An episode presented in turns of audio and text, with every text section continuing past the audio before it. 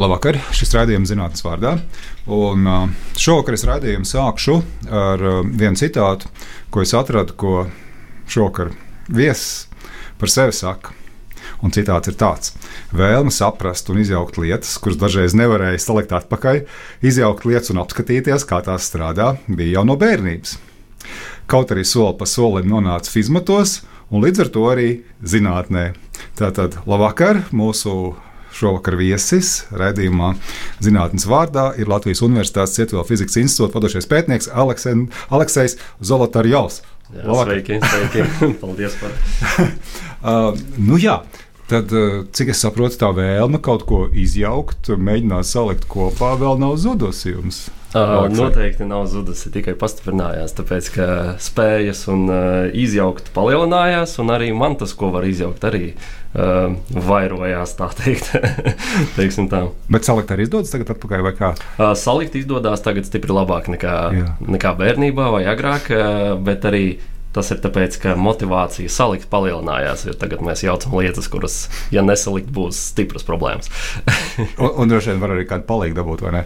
O, jā, Vismaz padomu. Noteikti, noteikti jā, jā, jā. tur izstāstīs, kāpēc nākamreiz nejaukt nevajadzēs. Uh, varbūt, varbūt ķersimies, vērsim pie ragiem, tā teikt. Uh, pēdējā laikā, uh, ja mēs mēģinām atrast kādu informāciju gan par jums, Aleksē, gan par uh, Cietuvēl fizikas institūtu, tad uh, viens tāds svarīgs informācijas kopums ir par virsmām, kuras spīd. Ja, kur es saprotu, arī Jā. jūsu devums ir uh, ļoti nozīmīgs.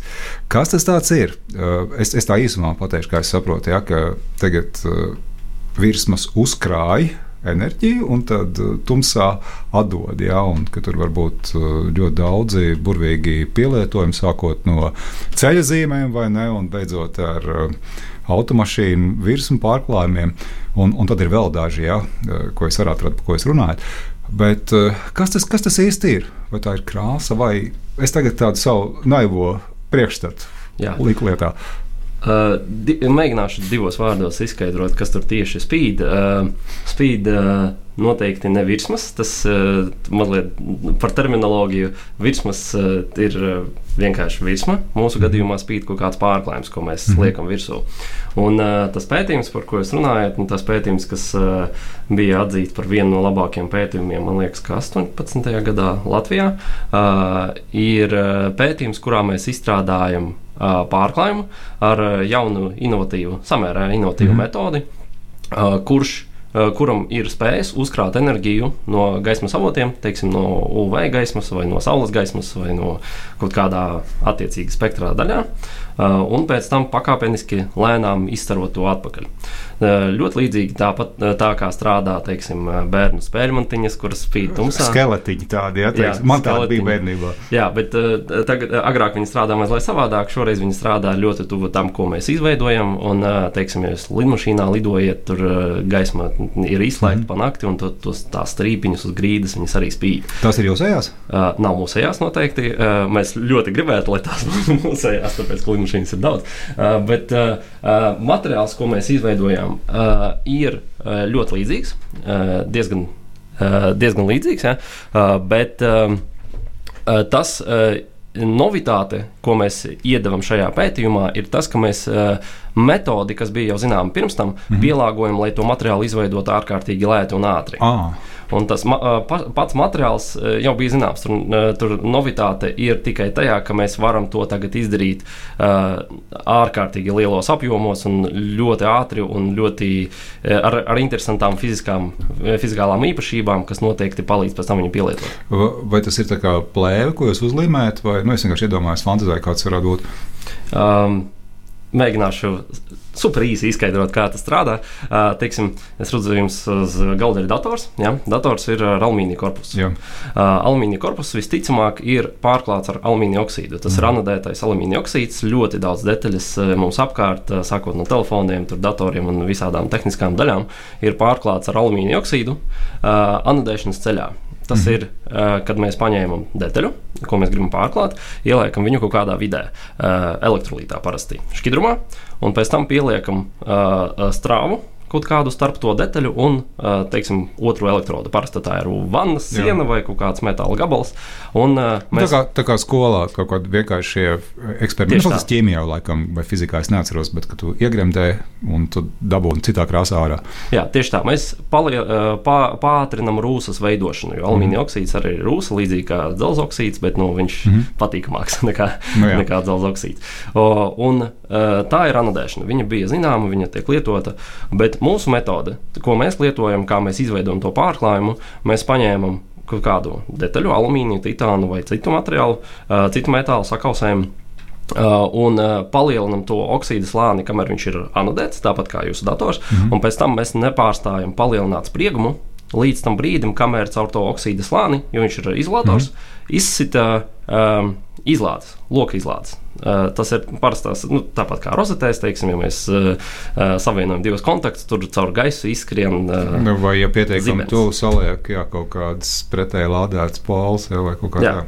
Tieši tā. Un mēs ļoti kontrolēti dabūjam tieši šīs izlādes caur to oksīda slāni, kas jau bija izveidots. Mm -hmm. uh, Līdz ar to mums ir uh, milzīgi liela temperatūra, tāpat kā teiksim, zimenī.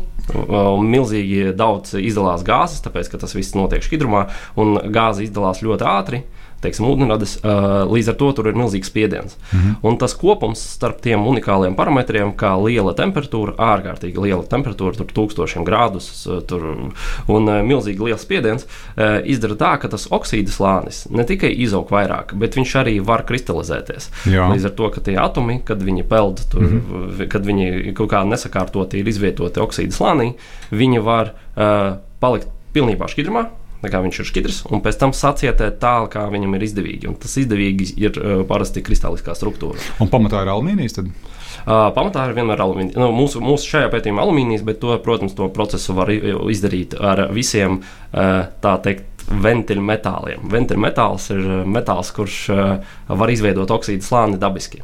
Sev mm -hmm. virsū, teiksim, alumīnijas. Viņu parasti cilvēki domā, ka viņš nerūsē, viņš patiesībā rūsē. Viņš vienkārši rūsē ar plāno kārtiņu apkārt visai savai virsmai. Es esmu redzējis kādreiz kaut kur no zemes, ka izrauga kaut kādas alumīnija detaļas. Viņas pilnīgi nobirst reizēm no jā, jā. Un viņš vienkārši sevi pats mm. sevi ekranē no, no ārējās vides, dabas. Uh, un tāpēc tiek uzskatīts, ka viņš nerūsē, bet viņš patiesībā rūsē. Varš.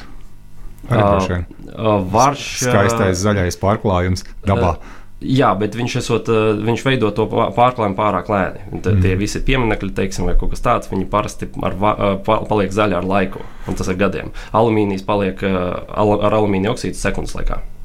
Un, nu, tie divi biežākie pielietojumi, ko jūs minat, stāstot par šo projektu, ir viens ir ceļzīmes, ja? mm -hmm. otrs ir automašīnas. Nu, labi, es saprotu, ceļzīmes jūs varat iegremdēt vannā, vai ne? Bet kā tad ar automašīnām? Detaļi vesela mašīna droši vien nē. Ja? Jā, un te, te mēs atnākam pie tā tieši labuma, kāpēc tas eh, viss projekts eh, ļoti labi izdevās un kāpēc tā tehnoloģija ir ļoti svarīga. Tāpēc, ka tehnoloģija ir mērogojama. Mm -hmm. Tas scalable termins nozīmē, ka viņa nav, nav svarīga. Mēs pārklājam telefonu, datoru, mašīnu, visu mašīnu vai. Mm. Protams, teorētiski arī visu tiltu var pārklāt, ja tas ir tilts no alumīnija. Mums vienkārši ir nepieciešams lielāks barošanas bloks. Al, ah, tas nozīmē, ka jūs nekur negremdējat iekšā. Tas nav vajadzīgs. Nu, tā tāds Nē, kāds, vajag iegremdēt, vienmēr vajag. Jā, vienmēr vajag jā, jā. to elektrodu šķidrumu. Jā, bet nu, mēs varam uztaisīt vannu ar elektrolītu. Mēs varam uztaisīt veselu baseinu ar elektrolītu, ja vajag. Ja, ir pietiekami liels barošanas bloks, tad mēs varam principā tieši tāpat kā mēs pārklājam mazo detaļu, pārklāt lielo detaļu. Mm -hmm. Un tas ir uh, ārkārtīgi ele, uh, enerģētiski izdevīgs process. Līdz ar to tas prasīs tikai tikai samēra lielāku enerģiju. Tas nu, neprasīs. Alumīnija ražošana ir ļoti energoietilpīga. Jā. Tas jūsu process ir mazāk energoietilpīgs? Nu, nesalīdzinām mazāks, tāpēc ka mēs neražojam alumīniju, mēs uh, tikai pārklājam to alumīnija oksīdu. Uh, bet uh, tas salīdzinājums ir vēl trakāks, ja mēs salīdzinām to, kā ja mēs vienkārši gribam dabūt to uh, materiālu tāpat vien, tā kā mm -hmm. kaut kādā ķīmiskajā sintēzē, cietvielu sintēzē vai kaut kādā citā, tur, ko, ko tur ķīmiki izdomāja, lai dabūtu to pulveri kurš spīd tumsā mm -hmm. ar šādu struktūru. Viņš ir ārkārtīgi uh, energo prasīgs. Viņam vajag ļoti daudz enerģijas, tur vajag karsēt lietas, eh, ilgstoši karsēt lietas, eh, pēc tam pārstrādāt, mazgāt viņus. Savukārt mūsu procesā mums ir elektrolīts, viņš stāv istabas temperatūrā. Mēs ieliekam detaļu, pieliekam enerģiju, visa enerģija, ko mēs pieliekam, viņa principā ir. Iesprā, iesprāž kontaktu liks dakšiņu, tieši tā. Gadās. Jā, jā. Pagaidām kaut kādu pusstundi izņēmam, mm -hmm. un mums minimāli elektrolīts uzkaus, uzkarst, bet nu, tas. Kā, kā, tas, kā tas fizikāli notiek, ja, ja to var tā vienkārši pastāstīt, kā tā enerģija tur uzkrājas un kā tas lēnāk tas atdošanas process notiek, jo tas man šķiet īstenībā arī tiek fascinējoši. Jā. Nu, savā ziņā akumulators, cik es saprotu, tas ir tas, ko jūs darat. Akumulators ne īsti. Tāpēc, ka, nu, bet, tad, nu, principā, vismaz, vismaz metaforiskā nozīmē, jā, jā, jā. Ne, varbūt ne elektroķīmiskā nozīmē, bet jā. Jā, jā tas tad, tad to var salīdzināt ar akumulātoru, kur mums ir kaut kāds enerģijas uh, pārpalikums, ko mēs mm -hmm. varam saglabāt.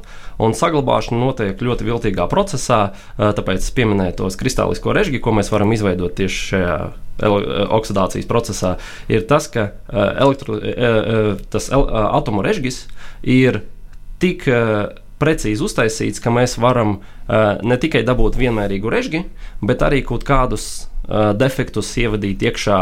Uh, tādus, kādus mēs gribam. Mēs ļoti, varam, ļoti precīzi varam kontrolēt, kā mēs uztaisām defektus tajā kristāliskajā režģī, kas ir tajā pārklājumā. Un kristāliskā režģa defekti, uh, viņi var būt arī elektronu lamatas, oh. viņas saucās lamatas, kurās elektrons, ja viņš esot neizdevīgā sev enerģētiskajā stāvoklī. Teiksim, mēs, mums ir atoms, mēs iesitam pa to atomu, izlido elektrons. Un viņš var palikt tajā lamatā. Viņš var, var, var sakot, ka vadīšanas problēmas, ja tur, nu, es tā tēlēni tagad teikšu, elektrons netiek ārā no lamatām, un viņš tagad vakarā tur ir iekļuvis vai dienas laikā, un pēc tam visu nakti pūlās un uz rīta pusi pazūd.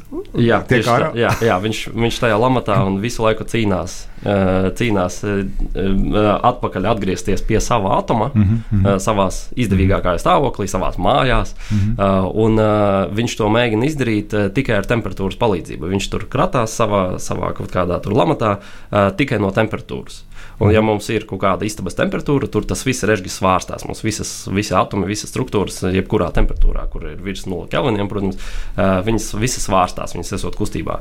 Un kaut kādā momentā ir tāda varbūtība, ka viņš var izkrist no tās lamatas, dabūt sevi ārā no tās mhm. lamatas mm. un atgriezties pie sava atoma. Tad, kad viņš atgriezās, mēs redzam to spīdēšanu. Dabūt viņu iekšā ļoti ātri. Dabūt Jā. viņu ārā ar temperatūru, viņš palēnām, pamazām dabūs. Un, un, un, un cik ilgi būs šī spīdēšana. Nu, teiks, nu, nezinu, nu, vienkārši man tā ienāk prātā viena ceļzīme, ja, tur, nezinu, stop zīme, ja, kas ir ļoti svarīga zīme, lai apstātos naktī un neteiktu pēc tam, ka es neredzēju, ja tā zīme spīd. Uh, Visu nakti spīd. Nu, teiksim, nezinu, tagad rudenī vai ne, skaties jau piecos vakarā, jau ritīgi, jau tumšs, nu sešos pritīgam vai ne. Uh, novembrī, un, un no rīta, nezinu, tur uh, astoņos krēsla vēl, vai ne, pēc tam tikai gaišāks paliek. Uh, principā ar uh, spīdēšanas laiku ir tā, ka mūsu konkrētais materiāls mēs uh, atklājumu uztaisījām, mēs pierādījām, ka mēs varam izveidot to struktūru un precīzi viņu kontrolēt, bet, lai dabūtu ilgstošu spīdēšanu, viņu vajag optimizēt. -hmm. Pagaidām, protams, mums nav labāk, vislabāk spīdošais materiāls pasaulē. Mums ir labākā tehnoloģija priekš šī konkrēta pielietojuma. Bet mēs zinām, ka šo materiālu var uh, var uh, uztaisīt ar citām metodēm, tā ka viņš spīdēs virs desmit stundām, uh, tā, tā ka cilvēks viņu redz ar aci. Ja viņu pareizi ierosina ar UV gaismu vai ar mhm. saules gaismu, tad viņš spīdēs vairāk nekā desmit stundas, kas noteikti pietiek, lai spīdētu cauri naktī. Un uh, vēl svarīgais moments ir tas, ka, uh, ja, ja mēs runājam par ceļa zīmju piemēru, teiksim, ja? tad uh, viņu, protams, var ierosināt ar sauli. Viņš sakrāja sauli, bet, nu, ja mums dienā ir mākoni, tad viņš nespīdēs. Bet viņu var ierosināt arī ar uh, mašīnu uh, gaismām kad mašīna brauc garām. À, ar, to, ar to pietiek. Jā, jā, jā, ar to noteikti pietiek. Mm. Tas ir īpaši ar ksenonu gaismām. Tur noteikti, noteikti viss, viss strādās un uh, ierosināt varēs. O. Un tad nākamā mašīna viņu redzēs. Un pēc tam brauc vienkārši viens riteņbraucējs, un viņš nevar teikt, ka es neredzēju, tāpēc ka pilnīgi noteikti būs redzējis. Jā, tā. viņš nu, jā, noteikti viņa redzēs. Tas būs. Mm -hmm. uh, ir, protams, arī ar šo pārklājumu problēmas. Uh, nevis problēmas, bet uh, tā, izaicinājumi, kurus uh, jāpārvaro, bet mēs zinām arī, ka no citām metodēm viņu var uztaisīt arī savādāku. Un, uh, pagaidām mēs uztaisījām tikai pārklājumu, kurš spīd zaļš. Un, uh, attiecīgi, ja mēs gribam pie, pie, pieliet, pievienot kaut kādas krāsas, tā lai tāpēc, ceļa zīmes nevar būt zaļas pēc likuma. nu, jā, sarkanā krāsa pretējā spektrā, vai nu, tajā krā, krāsa aplīnē spektrā. Bet... Jā, viņi, viņi ir diezgan tālu no zaļā. Jā. Bet nu, mēs varam uh, taisīt visādus trikus, kā pārveidot to gaismu citā krāsā. Mm -hmm. Uh, ja jūs runājat, ka automašīnām arī varētu uh, vismaz kādas daļas pārklāt. Tad tas varētu būt arī tā kā mm, apgaismojuma lukturvietā, kad, kad, kad gabaliņš priekšredz. Uh, Lūk, vietā tas noteikti nevar būt, uh, tāpēc ka tur spīdēšanas intensitāte ir stipri mazāka. Lūk, tur, mm. tur patērē tur no, no 6 līdz 50 vatiem. Uh, Uh, savukārt mūsu pārklājums var saražot uh, ekvivalentu kaut kādam pusi no vatam. Ja. Tas nekad ne, ne, neaizvietos visu, uh, visus lukturus, bet uh, tas noteikti palīdzēs mašīnai teiksim, būt ļoti labāk pamanāmai kaut kādā naktī, kad viņai nekas nestrādā pat bez, bez baterijām, bez nekā. Nu, tas ir tas drošības jautājums reizēm, ka autiņi salūst un tad kaut kur šosē malā stāv un tur kāds liela ātruma ieskrien, nu, kas ir baisa savārijas īstenībā. Un arī stila jautājums un arī vizuālā noformējuma jautājums vai kaut kāda speciālo pielietojumu jautājums. Es lasīju, ka šo tehnoloģiju var pielietot arī medicīnā, nu, tādā drošības nozīmē situācijās, kur ir rengenstāri. Ja? Uh mhm. -huh. Kas tur ir?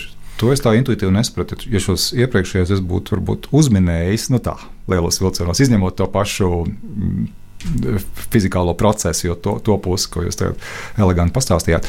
Bet uh, to medicīnas pielietojumu, tas man tā intuitīvi uzreiz nenāk prātā, kas tur varētu būt.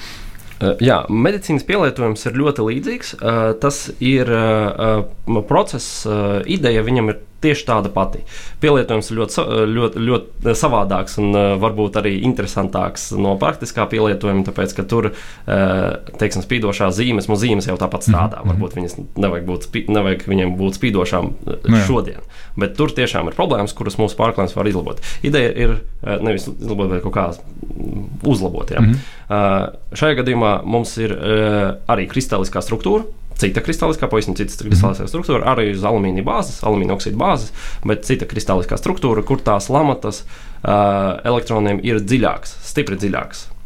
Un arī dziļākā slānī tādā nozīmē. Uh, dziļākas enerģijas, ah, enerģijas jā, ziņā. Tā kā no, kad elektroni ir tajās lamatās, viņiem no turienes dabūt sevi ārā stipri grūtāk. Mm -hmm. uh, līdz ar to arī uh, tas, ka viņus tur iekšā ierosināt, un tā, lai viņus, uh, viņi nokrit tajās lamatās, arī enerģijas uh, apjoms, kas ir vajadzīgs, ir stipri lielāks. Uh, ļoti līdzīga struktūra, mēs vienkārši mazliet pabīdam mm -hmm. tos elektroniskos līmeņus. Tā, lai tas viss process strādātu tā. Un, un tas, ko mēs dabūjam, ir tas, ka mums ir kaut kāds materiāls, kurš arī var būt uh, mērogojams un var pārklāt veselu sienu un uh, visu ko. Uh, un uh, tas materiāls. Uh, var uzkrāt uh, ionizējošo starojumu. Teiksim, mums ir kaut kāds ļoti stiprs, nevis UV. Mm -hmm. Mēs nerunājam par sauli, mēs runājam nu, par, par, par, nere, par neredzamu kaut ko. Jā, jā par uh, neredzamu enerģijas lielākā pusē. Uh, par uh, rengena starojumu vai kaut kādām lādētām daļiņām, uh, kuram ir pietiekami daudz enerģijas, lai elektronu izmestu uz to lielāku enerģijas līmeni, lai viņš nokrīt tajā dziļākā lamatā. Un lamatas ir pietiekami dziļas, mm -hmm. ka viņš, uh, ka, uh, kā, kā elektrons, kas ir iekšā istabas temperatūrā gandrīz nekad neizkritīs no turienes ārā. Līdz ar to mēs varam uzsildīt to paraugu, piedot, iedot, iedot viņam to enerģiju lielāku, uh, lai tas elektrons varētu izlikt no tās lamatas pie, cita, pie citas temperatūras. Tas, ko mēs dabūjam šajā veidā, mēs dabūjam kaut kādu struktūru, kur ir ļoti daudz tās lamatas. Mēs uh, uh, iešāvam pa to materiālo renginu, teiksim, Uh, un mēs kaut kādu daļu no elektroniem dabūjam lamatās, un pēc tam vēlāk, pēc dienām, nedēļām, mēnešiem, varam uzsildīt to paraugu, skatīties, kā viņš spīd, kad tie elektroni rekombinē pie saviem atomiem, uh, kad viņi atrod savus atomus atpakaļ, iz, iz, izliet no tām lamatām. Un uh, tās, tas spīdēšanas intensitāte būs proporcionāla rengenstaram, ko mēs uzkrājām agrāk. Tātad, ja, ja ir bijis par daudz, nu, tā kā brīdinājums, lai redzētu, spīd par daudz, teiksim, jā, teiksim, tas brīdinājums teiksim, mums medicīnas ārstiem vai e, zinātniekiem, kuri strādā ar ionizējošo starojumu, jeb kādu ionizējošo starojumu, viņam ir e, dozimetrija. Un dozimetrs ir tāda tabletīte korpusā, kuru viņi visu laiku nesā uz sev uz ķermeņa, kad viņi esot darba vietā. Uh, un uh, tos, to dozimetru regulāri vienreiz gadā, parasti varbūt biežāk, uh, paņem uz laboratoriju, arī tāpat mm. uzsilda, skatās, kā viņš spīd, un tad var pateikt, vai cilvēks nejauši kaut kur sakrāja pārāk daudz enerģijas un viņam vajag palīdzību. Jo ar visām uh, slimībām, kuras, kuras saistītas ar ionizējošo starojumu, jo agrāk tu pamani, Jā. jo lielāks tev ir iespējas. Un tur, tas, tur tā proporcija ir milzīga. Un tad šajā gadījumā tas būtu nav jāgaida tas pārbaudas laiks vienreiz gadā tu jau regulāri redzi, nu, ka tev ir aizdomas, ka tev vajadzētu kaut ko pastīties, varbūt kaut kas ir noticis. Viņš nepateiks, tas pārklājums strādās tieši tāpat kā tas dozimetrs. Tur labums ir tas, ka, lai uztaisītu to mazo tabletīti, ko nesā cilvēki, mm. tas maksā naudu, un viņu fiziski nevar uztaisīt lielāku. Mūsu oh. gadījumā mēs varam pārklāt sienu Mēs varam pārklāt. Bet tas, tas nebūs tā, ka tagad būs par daudz, jau sāks automātiski spiedēt, nu, uzmanāties. Nu, teiksim, iedegās, nu, iedegās pēdiņās, sāks spiedēt uzraksts. Uh, viņš, viņš, vai, vai, vai, vai. viņš nesāk spīdēt pats par sevi, viņu vajag uzsildīt. Viņu joprojām to, ah, to, skaidrs. to, to materiālu, ko mēs uztaisām, joprojām vajag uzsildīt. Tā, tā lai viņam būtu iespēja sakrāt mm. ilgāku laiku. Mm. Tāpēc, ka ionizējušais starojums, teiksim, mums rengen, uh, rengens pie zobārsta ir uh, ārkārtīgi vājš salīdzinot ar parastām lampām. Mm. Uh, ja, ja mēs runājam par vienkārši fotonu daudzumu enerģijas ziņā, protams, tur ir uh, savādāk mazliet, bet nu, viņš ir ārkārtīgi vājš. Līdz ar to viņam vajag dot laiku, lai viņš uzkrāj, mm -hmm. un tad mēs varam salīdzināt, vai tas uzkrātais bija normāls vai nē. Jā. Atgādināšu, ka šis ir raidījums zinātnīs vārdā. Un, uh, šis nav, nav vienkārši redzējums elektrons, kā varētu domāt. Ja? Uh, ar Alekseju Zolotarjovu, Cietuvā fizikas institūta vadošo pētnieku, mēs runājam par uh, virsmas pārklājumiem, kas spīd. Es ceru, ka es tā pareizi pateicu par uh, jaunu tehnoloģiju, kas uh, Cietuvila fizikas institūtā ir uh, attīstīta. Ja. Šis raidījums zinātnīs vārdā, es esmu Ivars Alsters, un pie mums ciemos šovakar ir Aleksis Zolotorjovs. Mēs runājam par uh, pārklājumiem, kas uzkrāja un pēc tam atdod gaismu, spīdi. Ja? Nu, tādā metaforiskā nozīmē, kas ir akumulātori. Tad viens no eh, ļoti interesantiem Latvijas Universitātes Cietuvo fizikas institūta pētījuma virzieniem. Bet es vēl gribu ar Aleksēju parunāt uh, par citu pētījumu tēmu, kas, manuprāt, arī ir eh, ļoti interesanta. Nu, tā sauktās viedās bojas, kā jūs viņus saucat. Ja? Tā tad uh, ūdens uh, paraugu uh, analizāt, vai analīzes sistēmas, gribētu teikt, analizātori. Tas, laikam, tā pārāk garš vārds. Ja. Uh, nu, uh, pēc apraksta kaut kas ļoti elegants, vai jūs varat uh, pastāstīt tādā īsa stāstīņa veidā, kas ir tās viedās bojas un, un kāpēc jūs sākāt pie tām strādāt, un kas ir tas nu, Jā. skaistums tajā visā? Uh, viedā boja, es uh, varbūt dažreiz tekstā viņu saukšu par uh, spektru marīnu. Tas ir tas mūsu darba nosaukums šīm projektam. Spe spektra marīna. Spektra marīna. Tas ir kā no spektrs un, un jūra. Jūra, jā. Mm -hmm. un tas, tas ļoti interesants piemērs projektam. Kāpēc arī teiksim, es uzskatu, ka zinātnē strādāt ir ārkārtīgi interesanti? T tas ir tas, ka šīs projekts ir uh, attīstības uh, skalā ļoti tālu no tā, ko mēs parasti darām mm. zinātnē. Teiksim, uh, vienkārši piemērs, ja jums ir kaut kāda, kaut kāda tehnoloģija, ko jūs izdomājat. Ja jums pirmais solis ir jūs viņu uzzīmējat, nezinu, salātas bārā, vai iedomājaties tur, nezinu, stāvot dušā. Mm -hmm. vai, jums, tas ir nultais līmenis, kad, tam, kad jums tā tehnoloģija parādās. Vienkārši tu brauc ar riteni, tu esi nogurs un nezini, kāpēc, vai gluži pretēji, tu esi izcili atpūties un tev vienkārši iešaujas prātā. Jā, kaut kāda doma. Tas ir nultais līmenis tehnoloģijas attīstībā. Un mums ir, teiksim, desmitais līmenis, vai parasti viņu sauc devītajā, bet nu, mūsu gadījumā desmitais līmenis, kad eh, šo tehnoloģiju var nopirkt Rīgā vai kādā citā veikalā, mm -hmm. kad, kad viņi ir brīvi pieejama. Un vispār ir desmit līmeņi. Ja? Uh, klasiskā skalā ir deviņi, bet nu, mēs runāsim no nulles līdz desmit, tā lai būtu vien, vienkāršāk. Uh, un uh, tas ir tā visa skala. Ja? Parasti zinātnieki strādā pirmajā trešdaļā. Viņiem parādās kaut kādas idejas, koncepti vai kaut kādas domas, eh, pieņēmumi, ka viņi zina, ka tur ir kaut kāda tehnoloģija. Mm -hmm. Viņi viņu pārbauda, to savu ideju, izvirza hipotēzes, iz, izveido to zinātnisko pieeju. Uztaisīs pirmos eksperimentus. Jā, uztaisīs pirmos eksperimentus, tas ir trešais līmenis. Uh, un tad uh, viņi, ja, ja eksperiments sanāk vai nē, tad viņi skatās, kā tas sanāk, un parasti apstājās.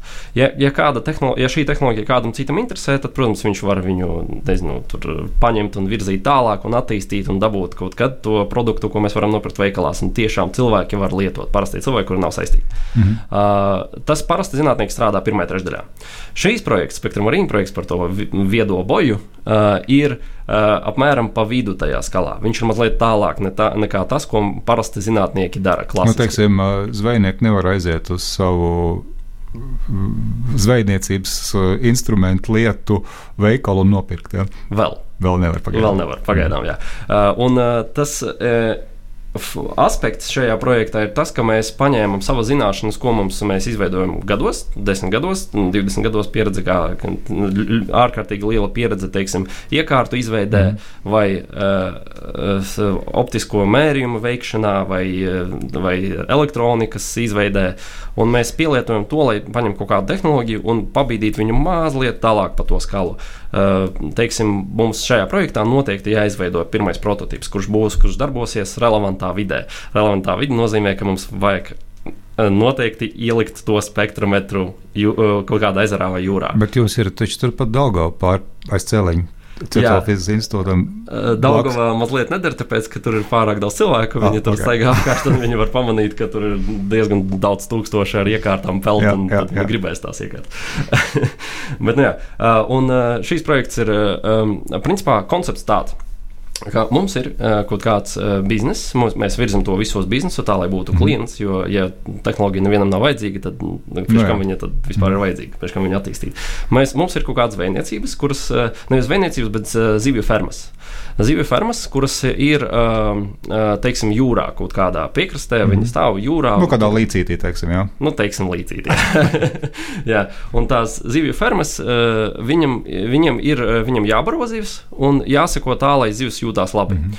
Jo, jo labāk viņi jūtās, jo vairāk zivs, jo vairāk naudas. Un viņiem jāsako, tā kā zivs peld ūdenī, viņam jāsako, cik, cik laba kvalitāte ir ūdenim. Bet ūdens kvalitāte ir ļoti dinamisks process. Viņa mainās, tur katras sešas stundas mm -hmm. var uzņemt savādākus datus, bet tas, kas tagad notiek, parasti tas, tās analīzes tiek ņemtas vienreiz mēnesī, vienreiz nedēļā, labākā gadījumā. Jo viņas ir ārkārtīgi dārgas, tur vajag fiziski atbraukt, paņemt ūdeni aizves viņu uz laboratoriju, Jā. un viņi pateiks, ka tajā ūdenī bija problēma. Un tā problēma bija divas nedēļas atpakaļ, un viss zivs jau ir mirušas. un tas nedara īsti. Savukārt mūsu iekārta, uh, viņa uh, piedāvā sensoru, jaunu sensoru, ko mēs izveidojam. Tas principā optiskais sensors, izmantojot komponentes un mūsu zināšanas, ko mēs izveidojam agrāk laboratoriju darbā. Uh, un, uh, viņas, viņa analizē automātiski to ūdens kvalitāti un pateiks uzreiz, ja kaut kas notiek slikti. Teiksim, mums ir uh, fitoplanktona ziedēšana. Jā. Jā, tas ir process, kurš notiek vienā momentā. Mm. Viņš tur dažu dienu laikā viss var mainīties tā, un tas nav nekas labs, vai ne? Uh, tas ir dabisks process. Viņš, protams, zivīm tas nav labs. Jā, no, nu jā. jā tāpēc, ka fitoplanktons apēd visas mm. vielas, ko zivs ēd. Uh, un nedot, viņš arī uh, izlieto visu skābekli. Ziv, zivīm arī vajag skābekli. Uh, un, uh, tas var notikt, un uh, operatori dažreiz nevar to pamanīt uzreiz. Viņi var pamanīt, protams, ja tur uh, fitoplanktons ir daudz, tad viņi ar acīm pamanīs, bet uh, tas jau ir pa vēlu. No, nu. Savukārt mūsu sensors var uh, darboties tā, ka viņš atsūtīs uh, uz telefonu atgādinājumu atgādinājumu, ka mums uh, sākās skābeklis pamazs samazinās, teiksim, nu, kā viens parametrs. Jā, jā. Un tad to fermu var pārbīdīt vai izlabot kaut kā, pielikt kaut kādas vielas tā, lai tas nenotiktu. Mm -hmm. Un šīs ir ārkārtīgi svarīgs moments uh, zivju fermām.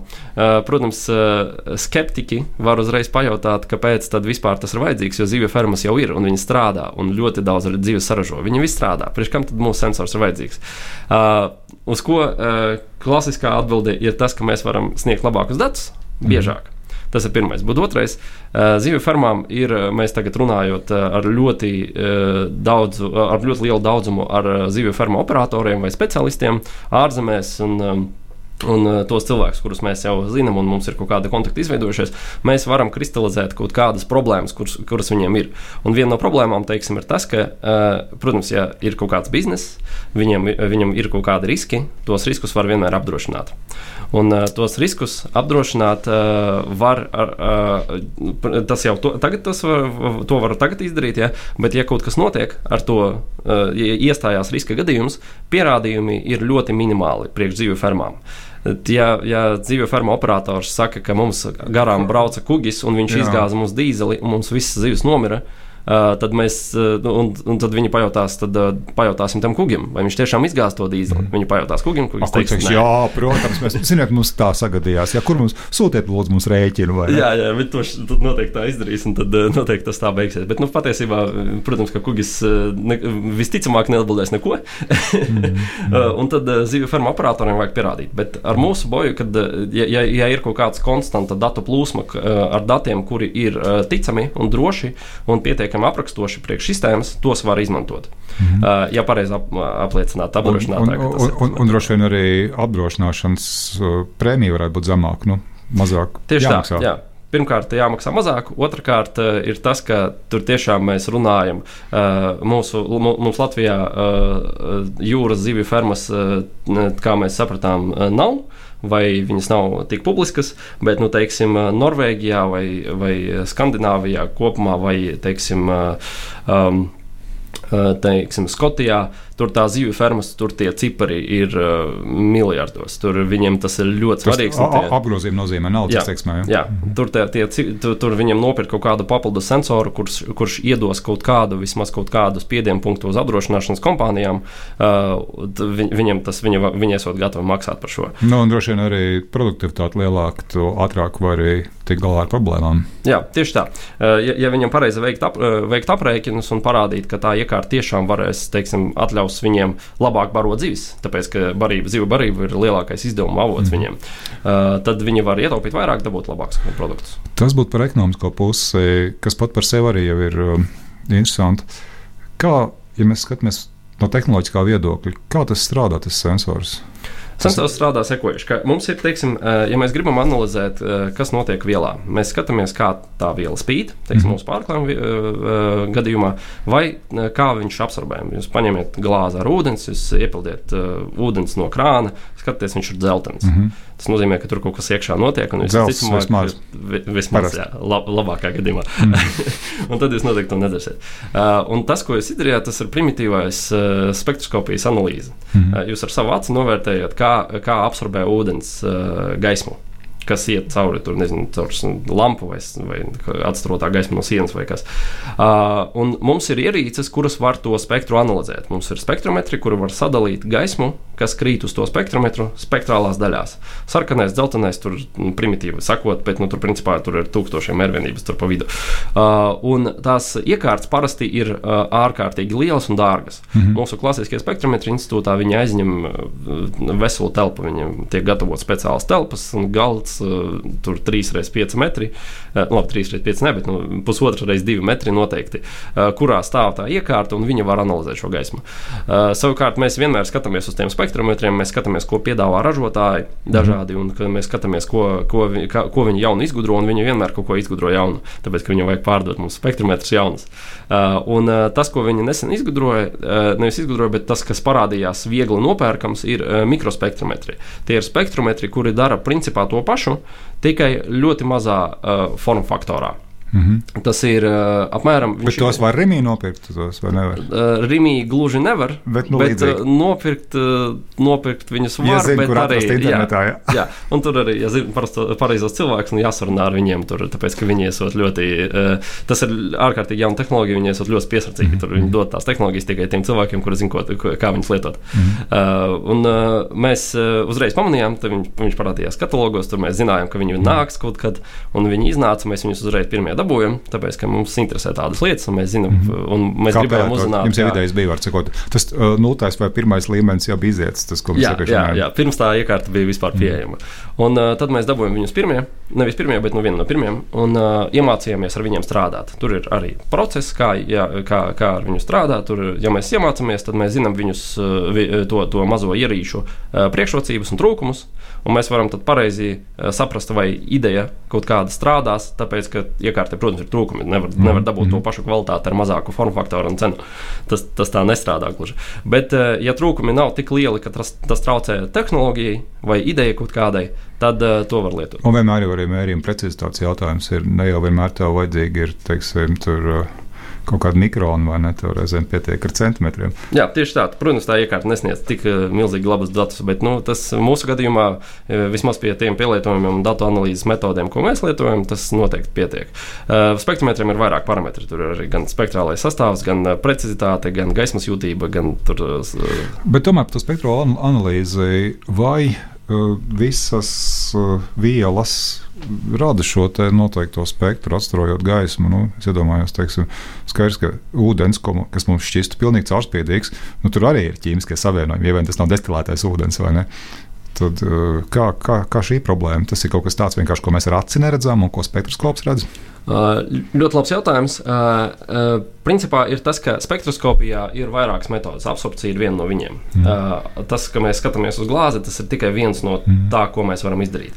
Teiksim, ja, ja jums ir UV gaismiņa un jūs spīdināt uz kaut kādu, teiksim, nezinu, uz pannu, kur bija eļļa, jūs vienmēr redzēsiet, ka eļļa spīd. Flores, Laba, labāk to nedarīt, vai ne? Jā, labāk to nedarīt, bet nu, eh, jūs noteikti redzēsiet, kā tā viela spīd, teiksim, ja apstrot ar UV. Mm. Tā ir fluorescence jau. Tā nav vairs absorpcija, mm. tā ir fluorescence. Un, eh, ja mēs spīdam ne tikai ar UV, bet ar dažādām gaismiņām, mēs varam uh, ierosināt citas lietas. Un tās, ja mēs pareizi saliekam, tas, tas ir tā novitāte tam projektam, tas ir tas, kas tas mūsu know-how, ko mēs izstrādājam. Mēs izstrādājam metodes, kā, kā pareizo, pareizo gaismu salikumu gaismiņu salikumu, jā, pareizo gaismiņu salikumu, kurš mums sniegs visvairāk. Bet tas būs tā, nu, tagad iedomājamies uz brīdi, ka jūs tomēr ieliekat Daugavā pie institūta. Un tagad iet tur cilvēki pa ietvu garām, vai brauc ar riteni, vai skrien, un kaut kas mirgo ūdenī. Tur tā, jā, zemblais, tā arī būs. Jā, jā, tā arī būs. Jā, jā, tā arī būs. Jā. Uh, un tāpēc arī tur pagaidām mums visi testi ir uh, apsargājumās teritorijās vairāk, nevis, nevis publiskajās.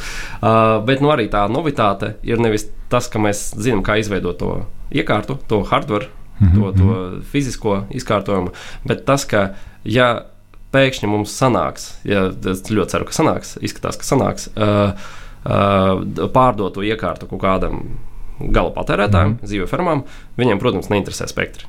Viņi negrib tos redzēt. Viņi negrib redzēt tos ledus filtrus. Viņam tas totāli neinteresē. Viņam interesē konkrēti uh, rezultāti, ko mēs dabūjam. Konkrētas, tur nezinu, tur mm -hmm. uh, rekomendācijas, ka jums jāpārbīd tā ferma. Un tas, ko mēs darām, mēs iztu, uztaisām datu analīzes, uh, kaut kādas algoritmus. Un šīs ir otrais mūsu galvenais know-how. Tas nozīmē, ka nu, es tā tādu rupjo skici vai ne.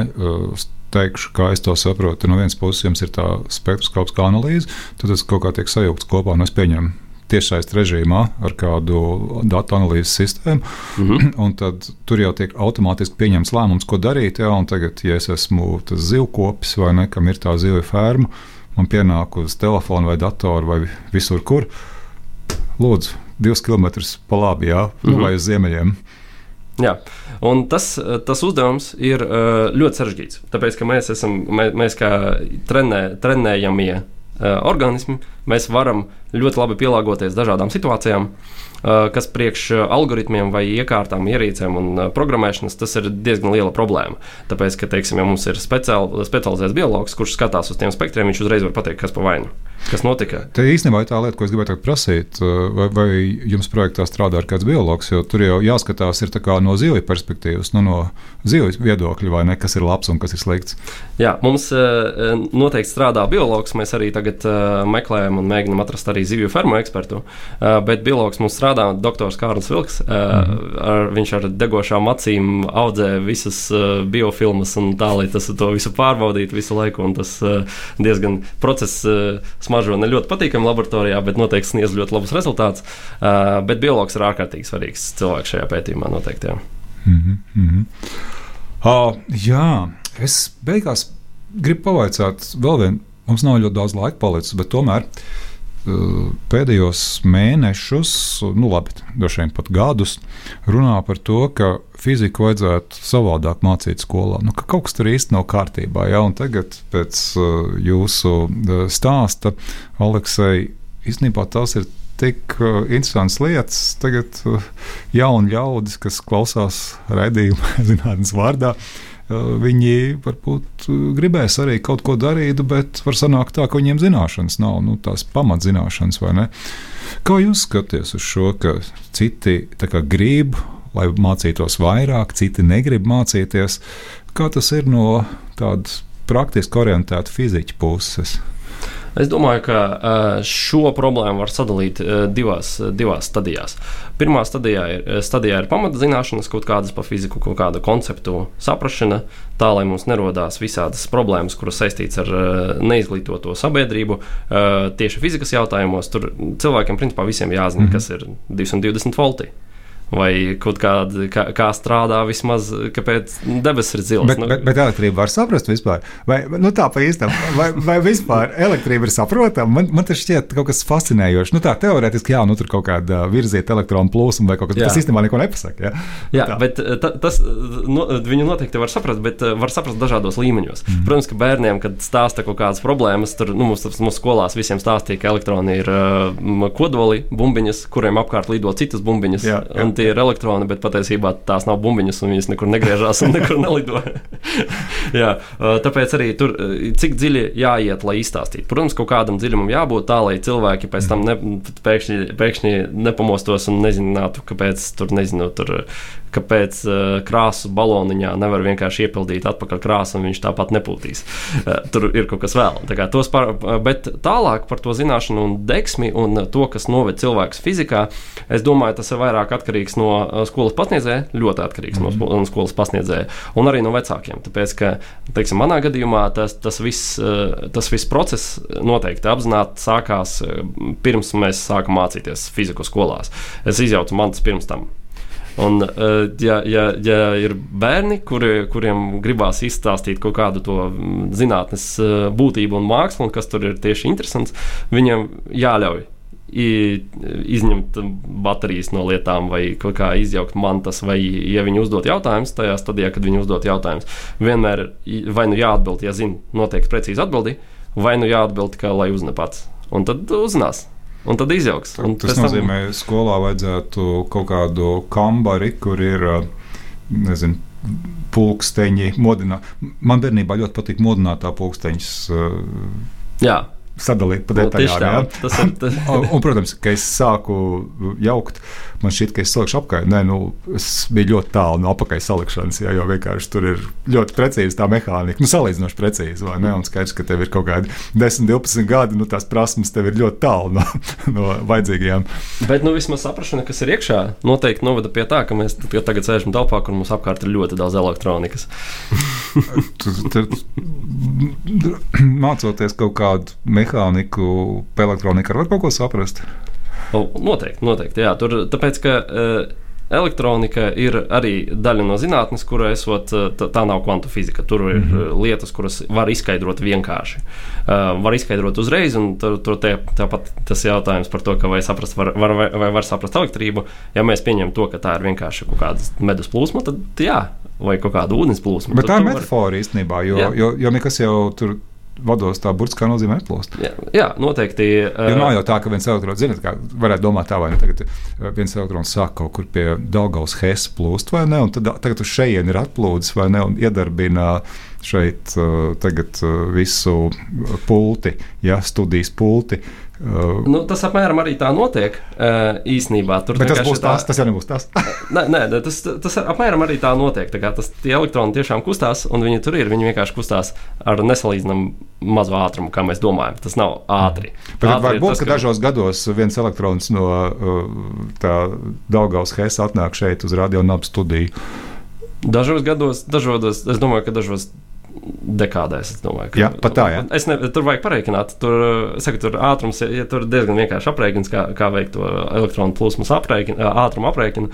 Tur var pareikināt, man liekas, ka tur bija kaut kas pieņemams, ka viņi tek apmēram kā medus. Tas à. ir līdz ar to, ka tas ir ātrums apmēram. À, tur, tas īstenībā tā, tas ir, tas ir, lēni, tas bet... ir diezgan liels ātrums. Jā, jā bet viņi tur tiešām ir. ja mēs, ja mēs šādi, tās nav bumbiņas vairs. jā, jā, jā. Bet atgriežoties pie e, jūsu institūta, pie Cietuvela fizikas institūta, uh, vienkārši pafantazējot par nākotni, uh, kas varētu būt tāds interesants problēmas, pie kā jūs strādāsiet nezinu, pēc gadiem desmit, jā, varbūt. Nu, jā, nu, kaut kāds nezināmais, nezināmais, ja, nu, tāds uzminamais. Ja, jo, Jā, tas, pie kā mēs strādājam, mēs strādāsim visticamāk, turpmāk arī. Mēs esam Cietvielu fizikas institūts, līdz ar to mēs pētām cietas vielas. Ne, ne. Vied, viedās bojas, jā, tur ūdenī. Jā, jā, jā, viņas ir diezgan cietas, bet tas nav tas. Jā, bet nu, visticamāk mēs strādāsim joprojām pie jaunu materiālu izveides. Uh, Uh, un uh, tie jaunie materiāli būs ļoti dažādi. Mēs teiksim, uh, mums pēdējā laikā tieši parādījās ārkārtīgi liels apjoms ar iekārtām, kuri esot pasaules top līmenī. Tur mums ir mums tagad institūts pilns ar iekārtām, kuriem noteikti ir uh, top 10 uh, kaut kādā savā jomā, teiksim, mikroskopija vai kaut kas tāds, mm. vai mhm. XPS, uh, rengenfluorescenta analīze vai kaut kas tāds. Uh, un, uh, un tās, tās, tās visas uh, iekārtas ļauj mums izstrādāt lietas, kuras neviens vēl nav, nevar izstrādāt vispār, tāpēc ka mm viņš neredz lietas. Mums arī ir litogrāfijas, visādas metodes, kuras ļauj izstrādāt, teiksim, ko tas nozīmē. Ta, tas, jums, jums ir teiksim, dators, jā, viņam ir processors. Un procesorā ir ļoti daudz elementu, kur ir pārāk mazi priekš cilvēka. -hmm. uh, viņus taisa ar litogrāfijas metodēm, tas ir projicēšana, un pēc tam ar uh, interesantām materiāla īpašībām spēlēšu, spēlējoties, mēs varam dabūt dažādas struktūras. Un tas ir apmēram tas, ko mēs, dabū, uh, tas, tas, ko mēs pētīsim tuvākos desmit gadus. Pēc desmit -hmm. gadiem noteikti mums būs jauni materiāli, ko mēs pētīsim. Nekas īsti nemainīsies daudz priekš uh, uh, parastā cilvēka, uh, ja viņš nezina, kas notiek ierīcēs. Varbūt būs dators, kurš pārklāts ar mūsu pārklājumu. Skaisti. Tad to mēs gaidīsim. Paldies, Aleksei. Es atgādināšu, ka šovakar raidījumā zinātnes vārdā ciemojās Aleksis Zolotarjovs, Latvijas Universitātes Cietuvela fizikas institūta vadošais pētnieks, un uh, raidījumu šoreiz vadīja Ivars Austers. Uz tikšanos citu vakaru. Paldies! Raidījums zinātnes vārdā - atbildes, kuras tu meklē. Ceturtdienās, septiņos vakarā